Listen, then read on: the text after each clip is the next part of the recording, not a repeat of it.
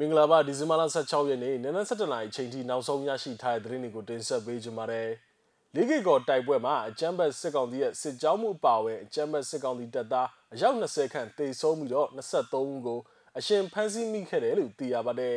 ။ချင်းမကွေးနယ်စပ်မှာတိုက်ပွဲတွေပြန်လည်ဖြစ်ပွားနေတာကြောင့်စစ်ပေးရှောင်အယောက်800ဝန်းကျင်ခန့်ထွက်ပြေးတိမ်းရှောင်နေရတယ်လို့သိရပါတယ်။စတဲ့သတင်းအကြောင်းအရာတွေကိုသတင်းတောက်ကျွန်တော်ထွန်းထွန်းဝင်းကတင်ဆက်ပေးကြပါမယ်။ ထမဆုံးအနေနဲ့တင်ဆက်ပေးခြင်းတဲ့သတင်းကတော့ KN ပြည်နယ်လိကိကောမြို့သစ်မှာ KN မြို့သားလွတ်မြောက်ရေးတပ်မတော် KNL ပူးပေါင်းတပ်ဖွဲ့နဲ့အကြမ်းဖက်စစ်ကောင်စီတပ်ဖွဲ့တို့ကြားမှာယမနေ့ဒီဇင်ဘာလ15ရက်နေ့ကဖြစ်ပွားခဲ့တဲ့တိုက်ပွဲမှာအကြမ်းဖက်စစ်ကောင်စီဘက်ကစစ်ကြောင်းမှုအပါအဝင်အကြမ်းဖက်စစ်ကောင်စီတပ်ဖွဲ့ဝင်အယောက်20ခန့်တေဆုံးခဲ့ပြီးတော့23ကိုအရှင်ဖမ်းဆီးမိရခဲ့တယ်လို့သတင်းရင်းမြစ်တူကဆိုပါတယ်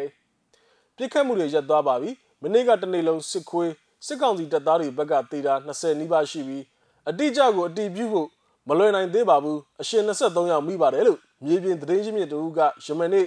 ဒီဇင်ဘာလ15ရက်နေ့ည9:00နာရီခွဲချိန်ကသူ့ရဲ့လူမှုကွန်ရက်စာမျက်နှာမှာရေးသားထားတာပါအဆိုပါတိုက်ပွဲမှာစစ်ကောင်စီဘက်က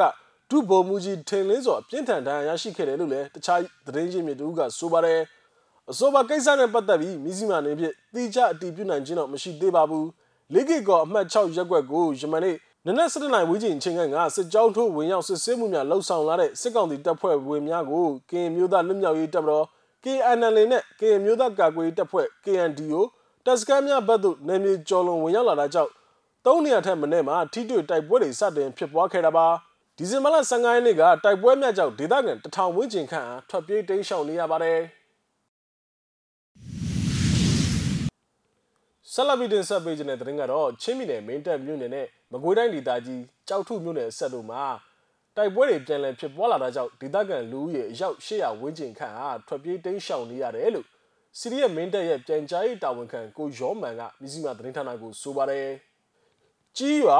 လဲစောရွာနဲ့မဲလာကုန်းရွာတို့မှာဒေသခံစစ်ပေးရှောင်များကနေထိုင်ရအနီးမှာထိတွေ့တိုက်ပွဲတွေဖြစ်ပွားနေတာကြောင့်ထပ်မံတိမ်းရှောင်နေရတယ်လို့၎င်းကဆိုပါတယ်။ဒီဇင်ဘာလ15ရက်နေ့နေ့လယ်တနာရီမှာတိုက်ပွဲဖြစ်ပွားခဲ့ရမှာ စစ်ကောင်စီဘက်ကထိခိုက်သေးဆုံးတဲ့အခြေအနေကိုတော့မသိရသေးကြောင်းကို၎င်းကဆိုပါတယ်တိုက်ပွဲများမှာဒီဇင်ဘာလ12ရက်နေ့နေ့လယ်3နာရီမှာတစ်ကြိမ်ဒီဇင်ဘာလ23ရက်နေ့နနက်10နာရီမိနစ်30မှာတစ်ကြိမ်ဖြစ်ပွားခဲ့ရမှာနှစ်ရက်တိုက်ပွဲအတွင်းမှာစစ်ကောင်စီဘက်က10ဦးခန့်သေဆုံးကြောင်းကို၎င်းကဆိုပါတယ်တိုက်ပွဲမှာခမန်းသေဆုံးသူ10ဦးဆိုတာကစစ်ကောင်စီတပ်သားခန္ဓာကိုယ်တွေအလောင်းတွေတည်သွားတာကျွန်တော်တို့မြင်လိုက်တော့ပြောတာပါအဲ့ဒီထဲမှာသေဆုံးမှုတွေရှိသလို မသေးသေးပဲဒဏ်ရာရရှိတာတွေလည်းဖြစ်နိုင်တာမို့ခံမှန်းပြီးပြောဆိုတာပါသူတို့ကိုကျွန်တော်တို့ဘက်ကခြုံကိုတိုက်ခိုက်ခဲ့တာတွေမိုင်းတော်မဆွဲဘူးတူမီခါချိုးတွေနဲ့ပဲပြစ်ခတ်ခဲ့တာပါသူတို့ဘက်ကတော့40မမ60မမလက်နက်ကြီးတွေနဲ့ပြစ်ခတ်ခဲ့တယ်ဒီဘက်ကအထိကအသေးဆုံးတော့မရှိပါဘူးလို့ကိုရောမန်ကဆိုပါတယ်အဆိုပါတိုက်ပွဲများမှာစီရီရဲ့မင်းတပ်ကြောက်ထု PDF နဲ့ရောမြို့နယ်မှာ YPDF တို့မဟာမိတ်၃ဖွဲ့ပူးပေါင်းတိုက်ခိုက်ခဲ့ခြင်းဖြစ်ကြောင်းကို၎င်းကဆိုပါတယ်။ ရခိုင်တိုက်ပွဲများမှာစစ်ကောင်စီအင်အား82ဦးကခြေကျင်ပစ်ကြောက်ထုမြို့ဘက်သို့ဆင်းလာပြီးတော့အင်အားဖြစ်တင်းခဲ့ကဒီဇင်ဘာလ15ရက်နေ့မှာတော့ကြောက်ထုဘက်မှမဲလဲကုန်းကျေးရွာဘက်သို့စစ်အင်အား100ကျော်ထပ်မံဖြစ်တင်းကစစ်ကူရောက်လာကြောင်းကို၎င်းကဆိုပါတယ်ဒီဇင်ဘာလ12ရက်နေ့ကလက်စောကျေးရွာမှာရှိတဲ့နေဆယ်မှရွှေနဲ့ငွေသားများကိုစစ်ကောင်စီတပ်ကဖောက်ထွင်းခိုးယူသွားရမှာနောက်နေ့ဒီဇင်ဘာလ23ရက်နေ့တိုက်ပွဲမှာတေဆုံးတဲ့ အကြမ်းမဲ့စစ်ကောင်စီတပ်သားအချို့ထံမှပစ္စည်းအချို့ကိုပြန်လည်ရရှိခဲ့ကြောင်းကိုဒေသခံများကဆိုပါတယ်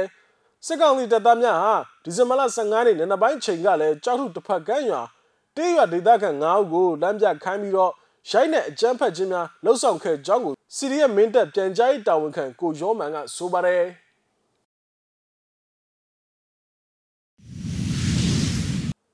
နောက်ထပ်တင်ဆက်ပေးခြင်းတဲ့သတင်းကတော့တဝယ်မြို့နယ်မောင်မဲရှောင်းကျေးရွာအုပ်စုရေဝိုင်းကျေးရွာနီးမှာ စစ်ကောင်စီသတင်းပေးလို့ဆွဆွဲခံရသူအမျိုးသား2ဦးကိုဒီဇင်ဘာလ14ရက်နေ့ညနေပိုင်းချိန်ကတနက်ပစ်ခတ်ခံခဲ့ရကအသက်သေဆုံးသွားခဲ့တယ်လို့သိရပါတယ်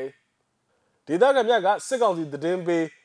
ဒလန်လို့ထင်ကြေးပေးခံထားရသူ2ဦးဖြစ်ကြတဲ့ဥမြမွေအသက်45နှစ်နဲ့ဥဇော်မင်းသူအသက်35နှစ်တို့ဟာဒီဇင်ဘာလ14ရက်နေ့ညနေ9:00နာရီချိန်ကရွာတွေကမွေးစေးများတွားယူစဉ်လမ်းမှာတနက်ပစ်ခံခဲ့ရတာတေဆုံးသွားခဲ့တယ်လို့ရွာသားတပူးကဆိုပါတယ်။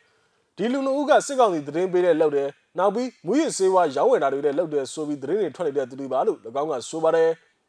အဲ့ဒါအပြင်ပြစ်ခံရသူများရဲ့လွယ်ထဲမှာမူရစ်စေးဝါအများပြားပါလာကြောင်းကိုလည်းရေဝိုင်းရွာသားများရဲ့ပြောဆိုချက်တွေအရသိရပါတယ်လက်ရှိချိန်မှာတော့၎င်းတို့နှစ်ဦးပြစ်သက်ခံရမှုနဲ့ပတ်သက်ပြီးမိမိအဖွဲ့အစည်းကလှုပ်ဆောင်ခဲ့တာဆိုတော့ကိုတော့သတင်းထုတ်ပြန်ထားခြင်းမျိုးမရှိသေးပါဘူး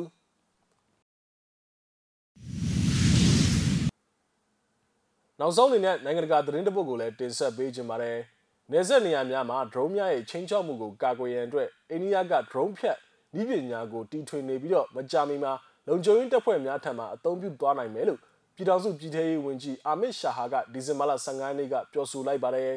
။နေဆက်လုံခြုံရေးတပ်ဖွဲ့ BSF 2058နှစ်မြောက်အခမ်းအနားမှာရှာဟာကဝန်ကြီးချုပ်မိုဒီအစိုးရအတွက်နေဆက်လုံခြုံရေးကနိုင်ငံတော်လုံခြုံရေးဖြစ်ကြောင်းနဲ့ကမ္ဘာပေါ်မှာအကောင်းဆုံးဖြစ်တဲ့ နေဆက်စောက်ကြည်ရေးဤပညာများအားနေဆက်လုံခြုံရေးတပ်ဖွဲ့သို့တက်ဆင်ပေးသွားမယ်လို့လည်း၎င်းကဆိုပါတယ်1965ခုနှစ်မှာတည်ထောင်ပြီးနောက်ပိုင်းပထမဆုံးအကြိမ်ဖြစ်နေဆက်လုံခြုံရေးတပ်ဖွဲ့ BSF ရဲ့နှစ်ပတ်လည်ခန်းနာကိုနေဆက်ဒေသမှာကျင်းပပြလျက်ခြင်းဖြစ်ကြောင်းကိုလည်း၎င်းကထည့်သွင်းပြောကြားခဲ့ပါတယ်နိုင်ငံတကာနိုင်ငံကလုံခြုံမှုရှိမှသာကျေဝပြီးတိုးတက်နိုင်ပါတယ်နိုင်ငံကိုလုံခြုံအောင်ဆောင်ရွက်ကြပါနေဆက်ကိုလုံခြုံအောင်စောင့်ရှောက်ခြင်းဖြင့်နိုင်ငံကိုလုံခြုံစေပြီးတော့ကမ္ဘာအစင်းအတန်းကိုရောက်ရှိဖို့အခွင့်အလမ်းလဲ ဖြစ်စေနိုင်ပါတယ်လို့ရှာဟာကနေဆက်လုံခြုံရေးအရာရှိများကိုပြောဆိုခဲ့ပါတယ်။ကမ္ဘာအကောင်းဆုံးနည်းပညာများကိုလည်းနေဆက်လုံခြုံရေးမှာရရှိအောင်ဆောင်ရွက်ပေးသွားမယ်လို့လည်းရှာဟာကပြောဆိုခဲ့ပါတယ်။ဒါဟာကျွန်တော်တို့အစိုးရရဲ့ဂရိကဝတ်ဖြစ်ပါတယ်။ drone ရဲ့အနေနဲ့ကဆိုးရွားလာတယ်လို့သိနေရပါတယ်။ drone ဖြင့်နည်းပညာကို BFF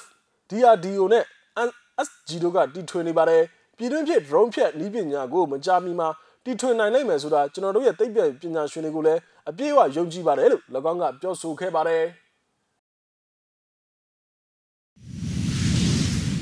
ဟုတ်ကဲ့ပါဒီဇင်ဘာလ16ရက်နေ့နနက်7:00နာရီချိန်ထိနောက်ဆုံးရရှိထားတဲ့သတင်းတွေကိုကျွန်တော်တို့မျိုးစိမှာဝိုင်းတော်သားများကနေပြီးတော့တင်ဆက်ပေးကြတာပါမြန်မာပြည်နဲ့မှာနေထိုင်တဲ့မိဘပြည်သူတွေအကုန်လုံးဘေးရန်နဲ့ကင်းရှင်းကြပါစေလို့ဆုမကောင်းတောင်းပန်ပါတယ်လက်ရှိဖြစ်ပွားနေတဲ့ COVID-19 ကရောဂါနဲ့ပတ်သက်ပြီးအထူးကူးစိုက်ကြဖို့ကိုကျွန်တော်တို့မျိုးစိမှာဝိုင်းတော်သားများကတိုက်တွန်းလို့ဆိုချင်ပါတယ် နောက်ထပ်ရရှိလာမယ့်သတင်းတွေနဲ့အတူတူကျွန်တော်တို့ပြန်လာခဲ့ပါမယ်